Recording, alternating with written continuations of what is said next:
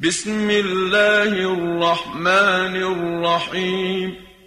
अल्लाह के नाम से शुरू जो बड़ा मेहरबान नहायत रहम वाला है تبت يدا أبي لهب وتب अबू लहब के दोनों हाथ तबाह बर्बाद हो और वो खुद भी हिलाक हो ما أغنى عنه ماله وما كسب न उसका माल उसके किसी काम आया और न वो जो उसने कमाया سيصلى نارا ذات لهب वो अन करीब जल्द ही भड़कती आग में दाखिल होगा وامرأته حمالة الحطب और उसकी बीवी जो ईंधन उठाए फिरती है في جيدها حبل من مسد उसकी गर्दन में मजबूत बटी हुई रस्सी हो